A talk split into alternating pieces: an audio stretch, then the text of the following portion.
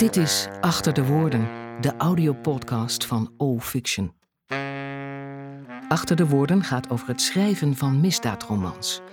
Over het werk van politie en justitie. Over verhalen, van binnenuit. Gebaseerd op actuele, waargebeurde zaken. Achter de Woorden, een podcast waaraan je verslaafd kunt raken.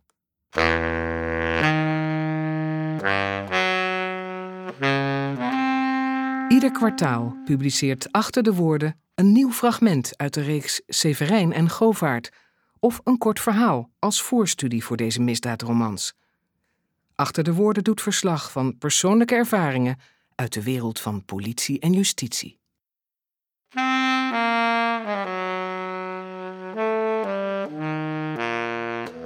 Ben je geïnteresseerd in het dagelijks werk van de afdeling zware criminaliteit van de recherche? Wil je meer weten over het team ondermijning van het Openbaar Ministerie? Wil je voelen wat het betekent om te werken in de opsporingspraktijk? Abonneer je dan op Achter de Woorden via onze website allfiction.nl en laat weten wat je van deze afleveringen vindt.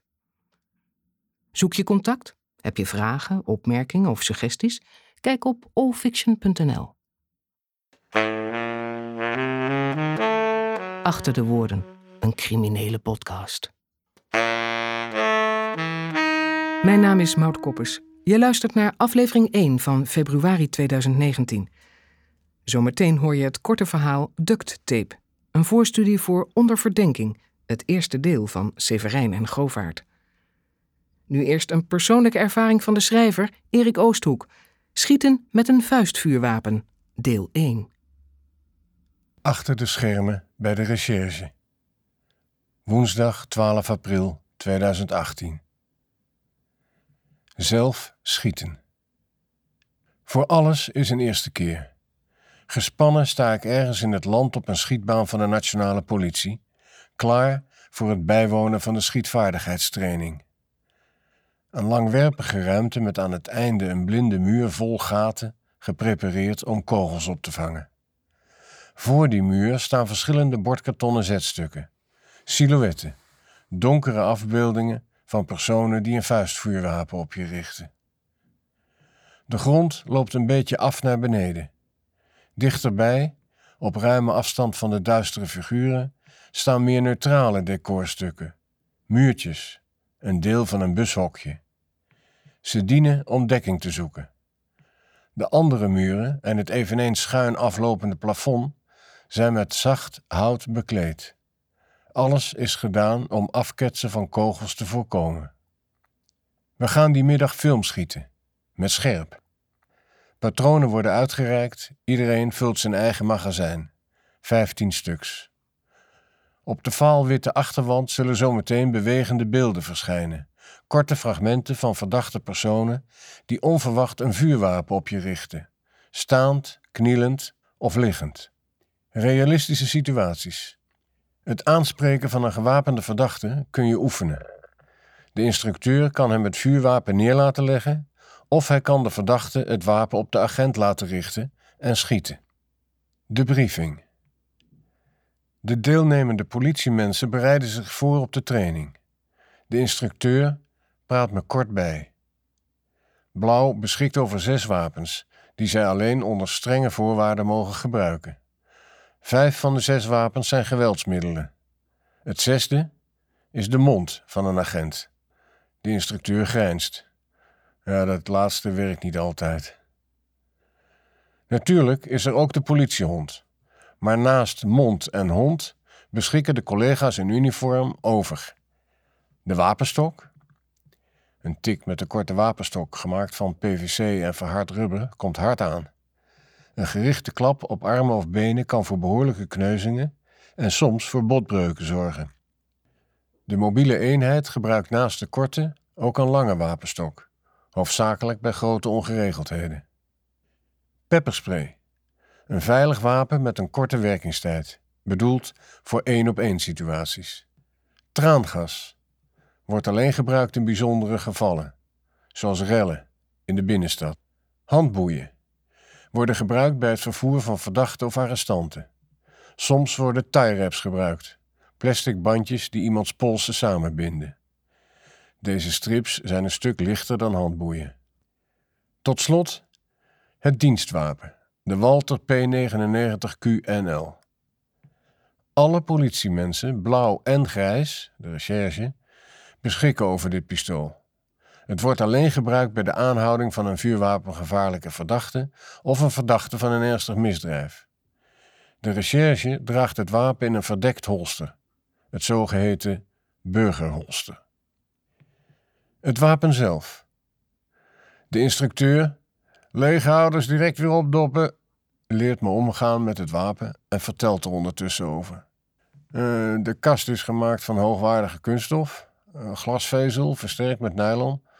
De kolf heeft een verstelbare greeprug, small, medium of large, ideaal voor kleine en grote handen. Het wapen kun je links en rechtshandig gebruiken. Uh, er kunnen 15 patronen in.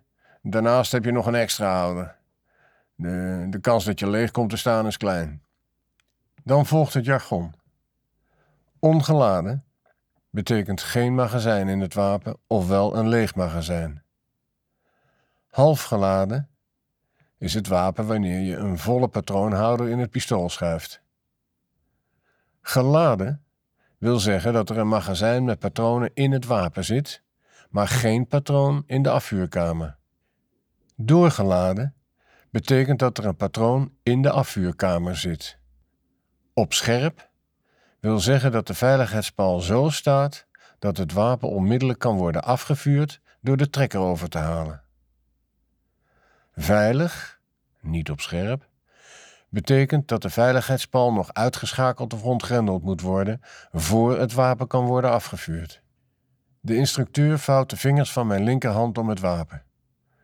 Je mag je wijsvinger nooit direct op de trekker leggen. Hij moet horizontaal langs de loop liggen. Pas op het moment dat je wilt gaan schieten, plaats je je vinger op de trekker.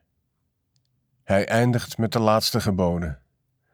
Een dienstwapen hoort in de holster, tenzij richt het wapen nooit op een persoon, tenzij overhandig een wapen alleen aan een collega wanneer je ervan overtuigd bent dat het ongeladen is.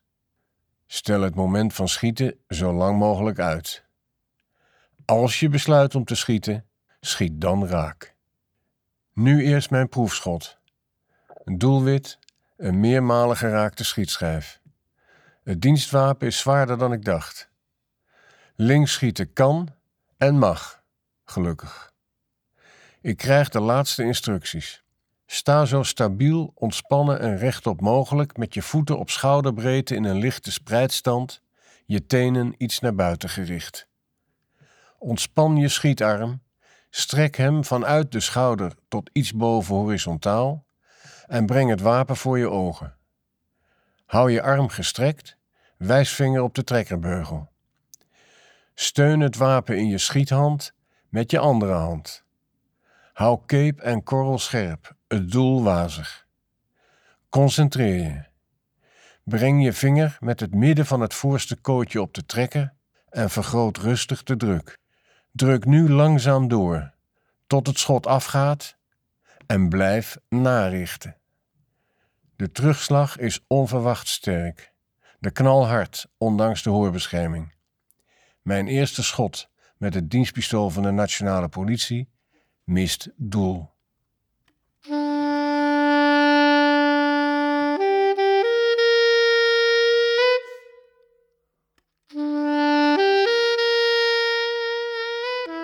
En dan nu duct tape.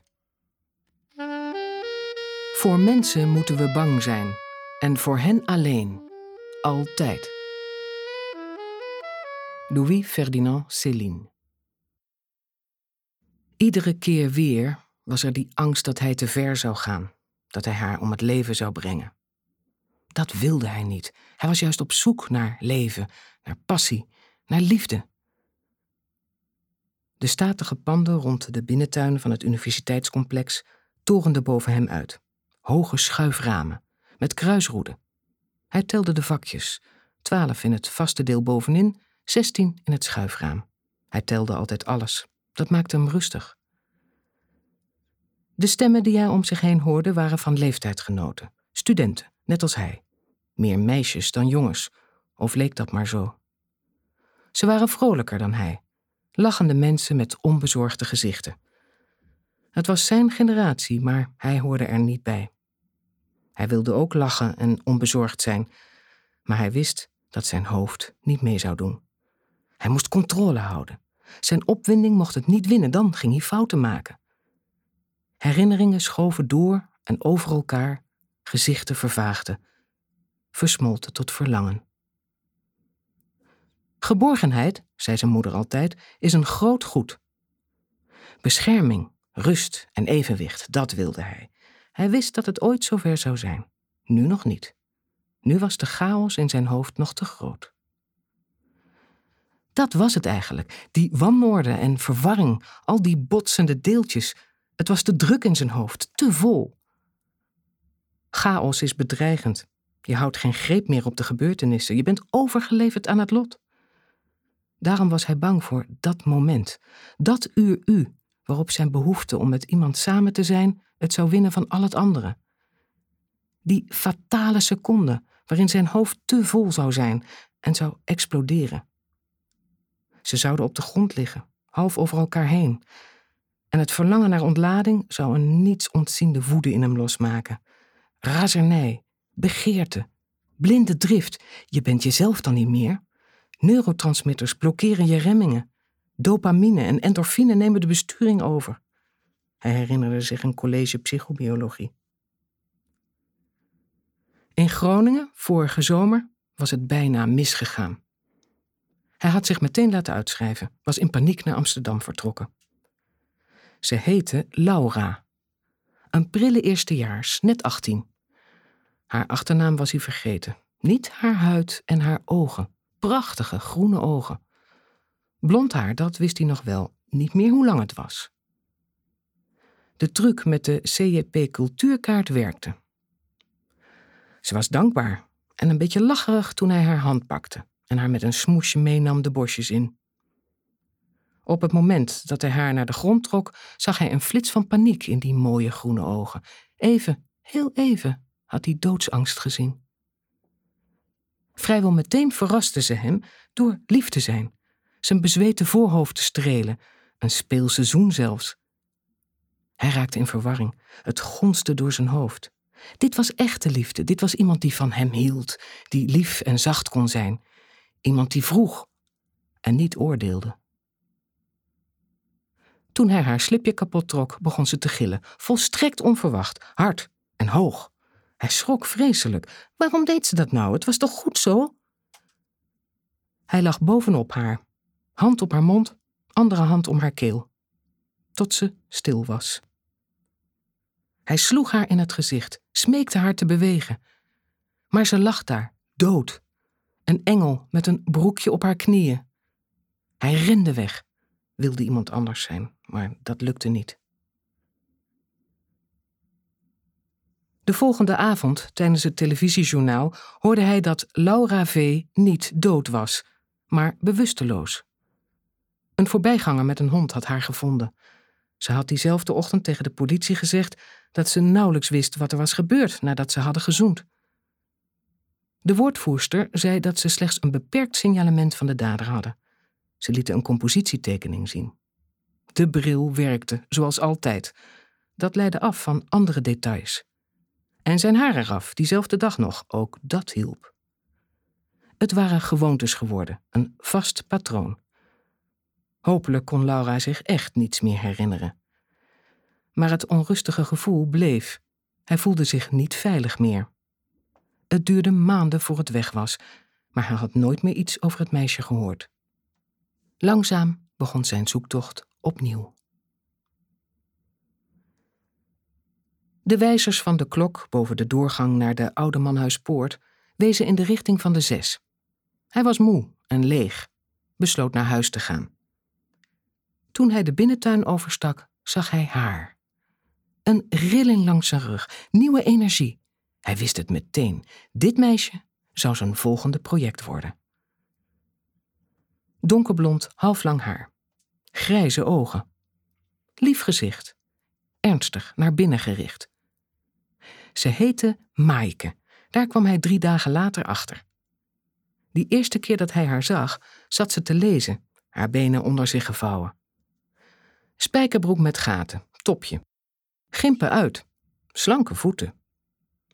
Hij kwam dichterbij, wilde weten wat ze las. Het was iets over strafrecht en psychologie.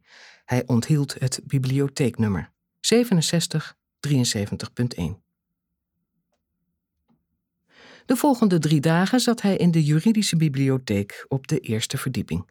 Een lange, smalle ruimte. Boekenkasten aan de ene kant, desktopcomputers aan de andere. Een halfronde erker in het midden. Mooi licht door de schuiframen. Weer die vakjes, nog steeds 28 per raam. Volgende week klinisch tentamen. Hij had zijn geneeskundeboeken voor zich. Een dubbele bachelor betekende uren maken. Die middag was het raak. Maaike verscheen bij kast 67, pakte twee boeken en installeerde haar laptop. Rugzakje, notitieblok, pen. Hij zat drie plaatsen verder, alert. Na een uur stond ze op, toilet, ver weg achterin links. Hij stond op, onopvallend. Er waren geen camera's. Wel detectiepoortjes, maar hij zou niets meenemen. Hij ging op haar stoel zitten, sloeg een van haar boeken open en trok het rugzakje naar zich toe. Zonder om zich heen te kijken, opende hij het voorvak. Bingo. Mapje, collegekaart en een identiteitskaart. Rustig nam hij de gegevens in zich op. Hij had een goed geheugen. Een foto maken was nog makkelijker geweest, maar als hij aan een project werkte, liet hij zijn telefoon altijd op zijn kamer liggen of in een kluisje in de bibliotheek. Ze hoefde niet te weten waar hij was geweest gedurende zo'n dag. Hoezo track and trace?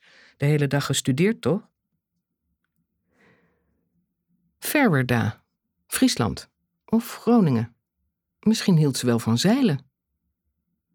Hij rook aan het mapje en borg het weer terug. Jasmijn, zo had ze ook kunnen heten. Hij sloot het voorvak van het rugzakje, stond op en liep terug naar zijn plek. Maaike was feller geweest, mondiger, veel sterker dan Laura. De gedachte aan de blonde Groningse studenten maakte hem weemoedig. Laura was lief geweest, had hem een speelseizoen gegeven. Het had hem verward, alsof ze echt wat hadden samen, alsof zij ervoor gekozen had om met hem te vrijen. Pas later, toen ze ging gillen, ging het fout. Maaike had voortdurend gepraat. Ze probeerde hem te overtuigen dat hij haar beter kon laten gaan, dat ze haar mond zou houden, dat hij niet moest doen wat hij van plan was. Hij wilde niet dat ze zoveel praten. Dan ging hij denken en dan ging het mis. Haar verzet maakte hem boos. Ze gaf hem het gevoel dat ze beter was dan hij, slimmer, intelligenter. Het was de eerste keer dat hij tape gebruikte. Na Groningen, toen Laura zo gilde, was hij op het idee gekomen. Duct tape was efficiënt. Breed grijs buizenplakband. Watervast.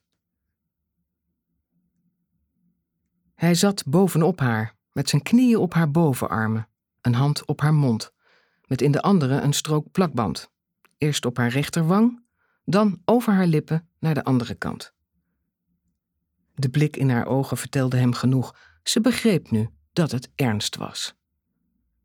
Haar lichaam verslapte. Ze gaf op, liet hem begaan. Veel had ze niet aan. Hij scheurde haar t-shirt kapot, daarna haar BH. Hardloopbroek doormidden en omlaag. Haar schoenen liet hij aan. Slipje kapot. Hij duwde met zijn knieën haar benen uit elkaar en trok de veter van zijn sportbroek los. Op dat moment verraste Maaike hem volkomen. Van volledige passiviteit naar felle actie. Ze trok plotseling haar benen op en trapte hem hard tegen zijn borst. Tegelijk scheurde ze de tape van haar mond en begon te gillen, hard en hoog. Hij was bovenop haar gedoken, ging met zijn volle gewicht op haar liggen. De ene hand op haar mond, de andere kneep haar keel dicht. Het gillen hield op, maar ze bleef zich verzetten. Hij had met zijn ene hand de BH gepakt, die om haar nek gedraaid en hem met beide handen aangetrokken. Pas toen kwam er rust. Even later was zijn hoofd leeg. Geen beelden, geen herinneringen. Haar mobiel had hij in het water gegooid. Hij wist nou al niet meer waar. Niet doen, niet denken. Hij liep net als iedere jogger ritmisch, zonder een echt doel. Hardloopschoenen, sneakersokken, sportbroek, t-shirt, iPod, betere vermomming bestaat er niet. De bril met het dunne montuur en het vensterglas zou hij bewaren voor een volgend project. Het lichtblauwe vestje had hij weggegooid. Dat had hij ooit gelezen. Mensen onthouden felle primaire kleuren het eerst. Verder hebben ze meestal geen idee wat iemand aan had. Zijn mountainbike stond bij de rozentuin in het midden van het park, tweedehands. Tien minuten langs het kanaal naar de pont en dan meteen de stad in, anoniem, opgaan in de massa. Thuis wachtte de tondeuze.